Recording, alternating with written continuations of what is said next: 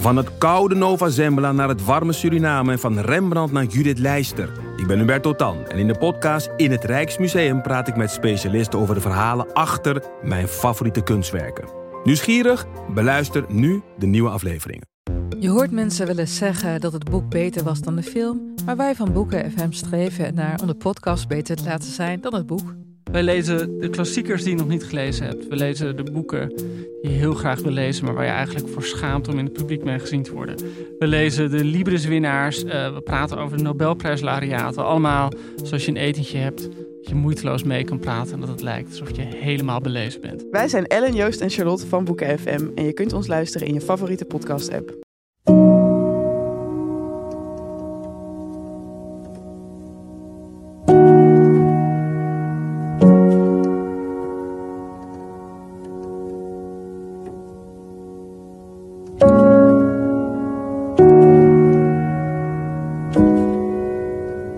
Als ik het nog iets langer laat spelen, dan gaan we last krijgen met Sabam. Maar wat een prachtig nummer is dit. Je kent het misschien. Het zit in zowat elke Canvas documentaire of in elke vier reeks. En dat is natuurlijk niet toevallig. En zeker al niet onterecht. John Hopkins. Het nummer heet Abandon Window en prent het in uw geheugen voor de rest van uw leven. Het is ook de soundtrack bij het verhaal en bij het leven van Tom dat we zo meteen gaan horen. Muziek heeft heel het leven van Tom gevormd. Zijn carrière die zou gebouwd worden op muziek, is ook gebouwd op muziek. Maar op zijn 14 jaar ging er iets grondig mis. Resultaat, zijn leven hing aan een zijden draadje. Er was heel veel melancholie en heel veel tijd om over het leven na te denken. Bij deze plaat gebeurde dat. Maar er gebeurden ook magische dingen.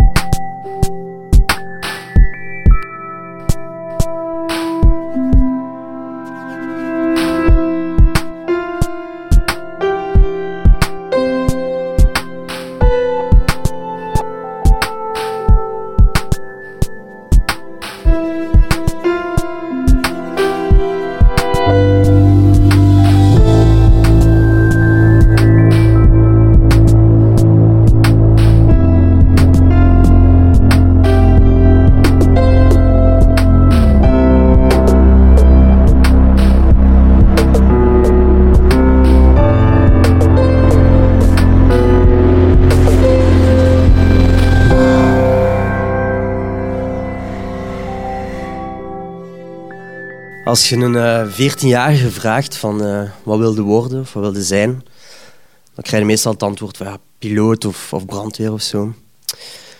En ik heb ja, op die vraag ook uh, een antwoord gegeven als ik 14 was. En ik kreeg toen het antwoord in mijn hoofd gekregen van ik wil gelukkig zijn. Dat is iets dat je later meestal ontdekt, maar niet per se als je 14 jaar bent. En dat is een zeer specifiek moment waar in mijn leven eigenlijk alles is omgedraaid. Dat was een klik. Dus ik ben van simpele tiener die uh, zich bezighoudt met ja, vindt iedereen mij wel leuk? Waarom uh, zie ik er niet meer uit als uh, Leonardo DiCaprio bijvoorbeeld of zo? Tot van oké, vanaf nu ga ik actief geluk nastreven. Ja, Leo heeft toch een beetje mijn jeugd verpest. Maar goed, ik heb het hem al vergeven. Dat was een letterlijke fysieke druk dat ik voelde om gelukkig te zijn. En op dat moment stond geluk eigenlijk gelijk met muziek. Ik was met muziek bezig, ik had allemaal oude platen gekregen van mijn onkel en ik wou DJ zijn. Onderweg naar school had ik ook al zo'n winkeltje gezien met een vrij klein tweedehands mixerke. Ik had daar mijn zinnen op gezet, dus ben daar maar voor beginnen sparen om daar uh, ja, mee te kunnen spelen. En dat is dan gelukt. Een paar knoppen waren kapot en zo, maar dat deed er niet. En ja, mijn mixer alleen heb je eigenlijk niet genoeg, want je moet twee liedjes aan elkaar mixen. Dus dan heb ik nog twee discmans gevonden ergens thuis. En dan is zo mijn uh, bescheiden uh, DJ-carrière begonnen. Op 14-jarige leeftijd. Maar het is wel een uit je hand gelopen uh, hobby geworden uiteindelijk. Want van thuis te draaien tot op het feest van de Bomma of in een tennisclub, uh, is het uiteindelijk naar het café om de hoek gegaan. En dan ja, de clubs waar dat ik als 16 jaar dan uitging, stond ik dan zelf te draaien tot uh, ja, naar het buitenland. Ja, toch de de buurlanden van België aangedaan. En ik deed dat niet alleen, dat was een proces dat, dat ik met mijn vrienden deed. Dat was, we waren elkaars grootste fan. Het was echt een, uh, gegeven van positieve energie aan elkaar geven. En, ja, heel wijze, heel wijze tijd. Um, DJ heeft gemaakt dat ik dan verder studies ga doen ben binnen audio, omdat ik heb toen gemerkt van, bon, je kunt daar op een of andere manier wel je geld mee verdienen, dus waarom laten we niet doorgaan? En door die studies te gaan volgen in Nederland, doe ik vandaag nog steeds wat ik doe, zijnde in de, in de muziek werken, maar meer op vlak van opname en productie. Dat specifiek moment, wanneer dat die knop is omgedraaid, ik was veertien en ik lag in het ziekenhuis. En ik werd toen eigenlijk uh, ja, het nieuws voorgeschoteld dat ik ernstig ziek was. En het was een moment dus om over leven na te denken. Hoe lang of kort dat dat ook mag wezen. Um, die toestand was erg. Uiteindelijk bleek die ook gelukkig minder acuut dan het leek op dat moment. Maar de ziekte is wel altijd aanwezig geweest in mijn leven. En heeft wel een grote stempel gezet op uh, alles wat ik gedaan heb. En dat waren goede momenten en momenten waar dat ook heel slecht gaat of ging. Maar ik heb het moeten meenemen. Ja, hoogtes, laagtes, tot op een moment, vele jaren later, waar dat weer goed de foute kant opging. En we hebben hier in uh, België, Europa, al veel geprobeerd.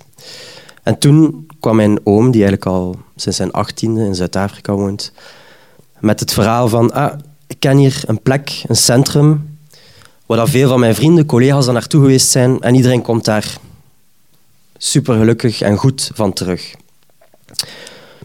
Ja, ik had niets te verliezen, dus ik dacht van oké, laten we dat proberen. Ehm, dat centrum noemde St. Francis Holistic Center, dus iets met holisme. Dus dat is een, ja, een combinatie van geest en uh, lichaam dat ze daar uh, bekijken. Uh, ik was nog nooit in contact gekomen met alternatieve geneeskunde en dergelijke. Maar ik stond er wel voor open, of ik was eerder neutraal. Plus, ik kreeg ook wel een gratis reis naar Zuid-Afrika. Dus oh ja, ik heb daar geen nee op gezegd. Um, het idee was eigenlijk om daar naartoe te gaan. Dat centrum dat was een proces van tien dagen. En dan had ik gevraagd of dat ik ja, een week of twee, drie extra kon hebben om dan uiteindelijk een eigen reis alleen door eh, Zuid-Afrika te doen. En dat was goed. Dat was goed. Dus ik vlieg naar eh, Zuid-Afrika. Mijn eerste stop was dat centrum, ergens op de westkust van, uh, van Zuid-Afrika, Port Alfred. Um, en eigenlijk heel mijn reis wordt een beetje getypeerd door drie vrouwen.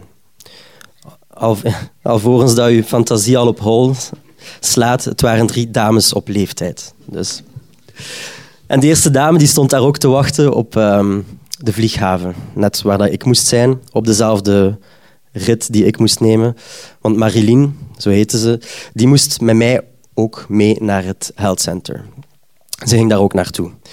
En voor haar was dat niet de eerste keer, dus dat was wel fijn, want die drie uur durende rit om naar een plek te gaan in the middle of nowhere, want dat centrum is ergens op een, op een berg in het midden van de, de broesen, als het ware. Um, kon ze mij toch al een beetje uitleggen van waarom dat zij daar al zo vaak naartoe is gegaan en wat de andere mensen daar doen. Sommige mensen gaan daar puur voor een soort wellnessredenen, zijn de massages en andere therapieën. Anderen gaan daarvoor af te vallen of te stoppen met roken. Sommigen gaan daarvoor uh, psychologische uh, redenen. En zij ging daar eigenlijk um, om ook iets ja, te herbronnen om de zoveel tijd. Want zij had haar man verloren in een uh, Air France crash in 2009 in, in, Brazilië. En dat was voor haar blijkbaar de plek waar ze naartoe kon gaan om die zaken een, een plek te geven. Bon, wij onderweg van de snelwegen naar iets kleinere wegen, uiteindelijk naar dirt roads, dat een beetje hobbelde, want dat was niet echt een 4x4, maar gewoon een soort klein busje waar we in zaten. Totdat we dus inderdaad in het middle of nowhere, in het midden van niets zijn toegekomen. Heel mooie natuur, had zicht overal. Geen huizen of, of niets rondom u. Dus het was wel een, rustgevende plek. En bij het binnenkomen was er al een soort ja, Omdat ik was daar niet alleen, daar waren meerdere mensen die dat proces van tien dagen gingen uh, doorlopen. Wat mij wel al opviel, is dat ik daar eigenlijk de enigste jonge gast was. Dus ik denk dat al de rest 50 plus was en dames. Dus ik was dat wel een redelijk graag geziene gast in ieder geval op dat moment. Ik heb veel vriendinnen gemaakt die tien dagen. um, eigenlijk begint het ja, met je lichaam. Dus wat, wat doen ze daar? Ze zeggen van ja, je moet je lichaam reinigen, dus dat is deel een detox. Dus een zeer streng dieet. De eerste drie, vier dagen eet je eigenlijk niks vast. Dus mijn eerste ontbijt was bijvoorbeeld een um, gember met peterselie waar ik twintig minuten op moest kouwen. Als je dat gewoon naar binnen haalt, dan heb je sowieso nog honger. Dus het was zeer belangrijk dat je dat heel traag en heel bewust naar binnen nam. Dus het kwam erop neer dat je tien dagen lang honger moest lijden op een of andere manier. Maar door het feit dat je zo dicht bij je lichaam staat, gaat het toch ook wel meer over jezelf en over je geest en dergelijke denken. Dus dat, ik denk wel dat dat geholpen heeft in heel dat proces. Naast hongerlijden waren er ook andere activiteiten daar. Um, je kon een nemen. Mijn eerste wandeling uh, was, ja, was, ze vertelde mij dat er ergens een beek was, ongeveer een uurtje naar beneden lopen. En dat deed ik dan ook. En dan voordat ik het wist, dat was eigenlijk mijn eerste dag dat ik daar toe kwam. Dus mijn eerste dag van Europa naar Zuid-Afrika. En plots staan er ook tien wilde bavianen voor mij. Um, ja, zij wisten even goed of even niet goed wat te doen zoals ik. Dus ik heb daar maar even gestaan en ik heb dan maar besloten om terug naar het centrum te gaan. Dat was veiliger, denk ik. Um, naast wandelen deden ze ook aan aquagym. Dat was ook een beetje grappig, want dan zat ik daar met de oudjes met een uh, haarkapje in het zwembad uh, bewegingen te doen en zo. Maar gezien dat je niet veel had en niet veel energie had, was dat wel een uh, gepaste vorm van beweging. en daarnaast had je massages, sauna, aromatherapie, voetreflexologie en ook therapieën die meer met energie te maken hadden. En die therapieën die werden eigenlijk gegeven door de bezielster van het centrum, en dat is Miss Cowley. Um, ja, zonder te zweverig te willen zijn over uh, holisme en energie en dergelijke, maar die Miss Cowley die had toch wel iets speciaals. Ik had dat nog nooit meegemaakt, iemand die, die zo was. Um, ik kan het best uitleggen als iemand die ja, hoogsensitief is, dus die voelt gewoon dingen iets sneller of beter aan dan, dan andere mensen, waardoor dat ze ook wel ja, soms de vinger op um, de wonden kan leggen van wat is er precies aan de hand. En ja, ik heb dus een paar sessies met haar gehad. Uh, sommige sessies waren gewoon praten, sommige sessies gingen meer over energie en dergelijke. Uh, en er werd een soort behandeling uitgestippeld om te zien van hoe ik mijn leven beter kan ja, doen passen, zodat ik met die ziekte, die pijn en dergelijke, uh, makkelijker ja, door het leven kan gaan. Of misschien zelf een manier kunt vinden om dat het weg zou gaan of zo. En in een van die gesprekken, en dat is mij ook dan echt bijgebleven, vertelde ze mij van Jij bent goed in geven en positivisme en alles rondom u, maar je bent niet goed in ontvangen. En dat is zeer belangrijk, want een beetje yin en yang, je moet kunnen geven, maar je moet ook kunnen ontvangen, want anders zit je in onbalans. Oké, na dat gesprek probeer ik dat te onthouden. Maar vanaf de dag daarna werd ik gelijk getest op mijn manier hoe goed ik kon ontvangen. Um, ik, ja, we hadden veel vrije tijd tussen al het hongerlijden opnieuw en de therapieën. Dus de madammetjes die kwamen met mij praten en die vroegen van Allee, wat doe jij hier? En, uh, helemaal vanuit België om, om naar hier te komen. En dan vertelde ik ook van ja, ik ga dus een, een rondreis doen in Zuid-Afrika. En ik, ja, ik ga dat wel met een trein of met liften of whatever doen. Om zo tot aan het west, de westkust te geraken, waar dat Cape Town is. Omdat ze zeiden dat dat mooi was. Um, en iedereen raden mij dat af. Die zeggen van ja, je gaat veel te ver onderweg zijn. Plus je hebt niet echt een goed openbaar vervoernetwerk hier in Zuid-Afrika. Dus je zou beter vliegen. Uh, ik zei ja, ik heb dat niet echt gepland in mijn uh, budget uh, om dat te doen. Dus ja, dat was mijn verhaal een beetje. Tot dus de volgende dag, na zo een van die gesprekken, Jenny naar mij kwam en die zei: Hier, je hebt een vliegticket naar Cape Town.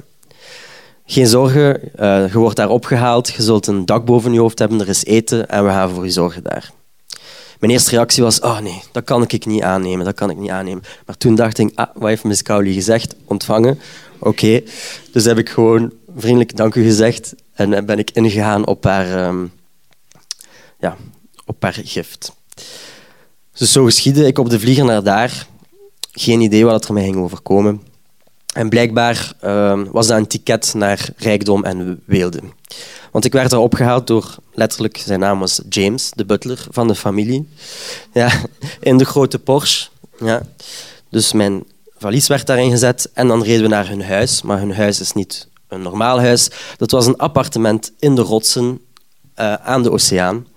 En toen kwamen we daartoe en in plaats van dat je je auto parkeert, rijd je met de auto in de rots, in een lift, in een ondergrondse parking, waar de rest van alle mooie auto's van die mensen staan. Om dan met James en mijn bagage uh, naar binnen te gaan, waar ze natuurlijk geen sleutel gebruiken, maar dat was met een duimprint uh, dat je binnen moest geraken. Dus ik zat daar in een James Bond-achtige tafereelen. Ja. ja, mijn Leonardo DiCaprio-gevoel kwam iets terug. Zo, ja. Um, ja, mooi huis, grootste bed waar ik ooit in geslapen heb. Die mensen hebben mij uit eten genomen. Ze, de, de, hun uh, zoons en dochters hebben mij uh, mee uh, ja, uitgenomen. Zijn iets gaan drinken. Ja, heel, heel leuke tijden en ja, opnieuw een goede test in ontvangen.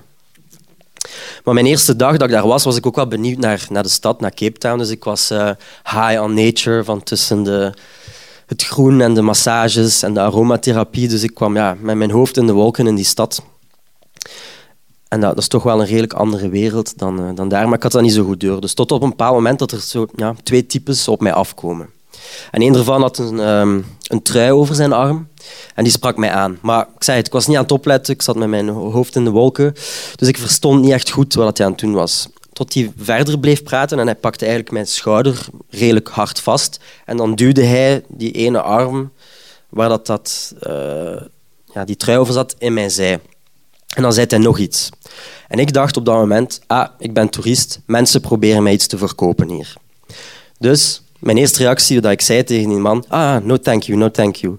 Waar dat hij terugdeinst en hij kijkt een beetje raar naar mij en dan zei hij, ah, joke, joke. En dan zijn ze weggegaan ja, ik stap zo een beetje verder in die straat en dan begin ik dat tafereel zo opnieuw af te spelen. En dan denk ik toch, nou, dat was toch een rare verkoopstechniek in ieder geval van die man. En toen probeerde ik ook te herinneren, wat zei hij eigenlijk en wat deed hij? Die had mij toch wel ferm vast. En waarom was er iets over zijn arm en wat duwde jij mij zei? En wat zei hij eigenlijk? Ah ja, give me all your money. Dat is wat hij vroeg. Maar blijkbaar, hè, door de positieve stromen vond hij mij nog raarder dan zichzelf en heeft hij gewoon gezegd van ja, ik ga die jongen maar alleen laten, want dat ziet er niet pluis uit met zo'n antwoord. Dus ja, ooit als je hè, overvallen wordt, gewoon nee dank u zeggen. Ja, misschien morgen om 12 uur, maar vandaag ja, past het niet echt gewoon. Ja. Bon. Um, ik terug naar die familie. Ik heb daar vier dagen gebleven. Uh, zij hebben achteraf nog andere mensen gevonden waar ik ook weer bij kon logeren. Uh, en uiteindelijk, een van mijn laatste stops in Cape Town was terug bij Marilyn, dus de, de dame met wie dat ik in, uh, in de taxi naar het centrum zat. Die heeft mij ook in haar huis genomen in Kalk Bay. Dat was iets normaler, dus minder weelde, maar wel een heel mooie, een heel mooie buurt. Daar woonde dan weer een meisje die werkte in een café naast een opnamestudio, muziek. Al ja, dus het kwam allemaal zo wel wat samen. En zo was eigenlijk mijn hele trip van het ene ja, speciale moment naar het andere. En een echte test in ontvangen. En het is gelukt. Eens terug, ah ja, in België, heb ik de aanwijzen en, aanwijzingen en dergelijke toch wel opgevolgd van, uh, van wat Miss Cowley mij verteld had. En stilaan verdween de pijn ook. Um, ik moest sowieso om de zoveel tijd een keer uh, getest worden en een keer een scan en zo. En voordat we het wisten, was ik niet meer ziek. Ik weet niet of dat, dat daardoor kwam of niet. Ik ga het ook niet per se benoemen dat dat dat was. Maar na twaalf jaar ziek te zijn geweest, was er plots wel niks meer. Grootste vreugde.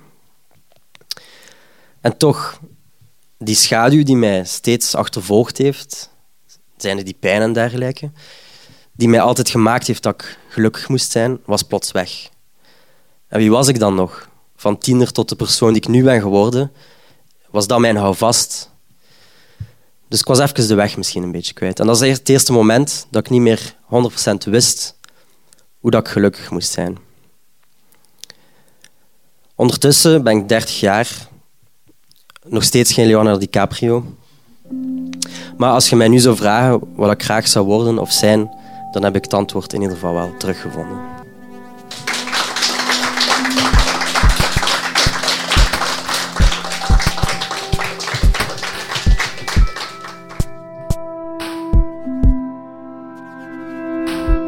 Dat was het verhaal van Tom. Hij vertelde het op Backtracks. En Backtracks is een verhalenfestival in Gent-Brugge. Een jaarlijks terugkerend verhalenfestival. Je kan daar van woonkamer naar woonkamer wandelen. Eh, de inwoner van dat huis vertelt dan aan jullie of aan een kleine groep mensen een verhaal. En daarna krijg je ook nog eens een akoestisch optreden van een band die Indie Living speelt. Heel mooi festival. We doen het dit jaar opnieuw, trouwens in november 2017. De band die daar stond, het waren Geert en Lori, die speelden een nummer dat heel veel betekende voor Tom. Eh, die speelden het nummer van John Hopkins met Abandoned Window. Ik heb Tom achteraf nog eventjes gebeld waarom hij precies dat nummer van John Hopkins wou horen. voor mij staat dat, um, die, dat nummer eigenlijk gelijk aan het verloop en de evolutie uh, binnen het leven. En daarom vond ik het ook goed passen bij mijn verhaal, omdat ja, het begint met concrete tonen en het eindigt eigenlijk in de galm van die tonen. En ja, dat staat voor mij een beetje centraal voor de evolutie wat een mens uh, doormaakt in het verloop van zijn leven eigenlijk. Um, en voor mij als ik er naar luister, ik vind het heel positief klinken, dat nummer. Maar ik denk dat het ook breed genoeg is dat iedereen zijn eigen uh, gevoel daaraan kan geven. En dat was ook voor mij belangrijk om um, een nummer te kiezen dat open genoeg is, zodat iedereen zijn eigen uh, versie daarvan kan, uh, kan voelen of bedenken. En blijf zeker luisteren, want straks krijg je nog die fenomenale cover van Abandoned Window, gebracht door Geert en Lori. Maar even nog zeggen dat wij helaas zijn. We zijn een groep verhalenliefhebbers. Wij organiseren elke maand een vertelavond in Gent. Als je daar eens bij wil zijn, dat kan. De data waarop dat kan staan op onze website en op onze Facebook. Je kan daar een plaatsje voor reserveren. Het is niet gratis, maar we vragen bijna geen geld. Uh, maar haast je daarvoor, want de avonden zijn meestal heel snel volzet. En wij, het Relaas-team, wij zullen jou daar verwelkomen en helpen en een mooie avond proberen te bezorgen. Het Relaas-team, dat zijn wij, Marlien Michels, Filip Cox, Ruby Bernabeu Plaus, Dieter van Huffel, Sarah de Moor, Timo van de Voorde, Charlotte Huigen, Evita Nocent, Evert Saver, Sarah Latré, Stefan Gruijaert, Annelien Schelstraat en ikzelf ben Pieter Blomme. Ik bedank ook nog onze partners. Dat is Medialab en Studentenradio Urgent FM en Quindo. En ook nog REC, het talentnetwerk voor digitale verhalenvertellers. En helaas zou er niet zijn zonder de stad Gent. Die steunen ons om de vertelavonden te organiseren. Dankjewel daarvoor, stad Gent. Uh, jullie, doe ons een pleziertje. Deel je favoriete verhaal online op Facebook, op Twitter. Of stuur het in een privéberichtje naar iemand waarvan je denkt van... Hmm, die moet zeker dat verhaal gehoord hebben. Andere mensen leren zo relaas kennen, maar misschien help je die persoon ook door eens een verhaaltje naar hem te sturen. Dankjewel en tot een volgend relaas.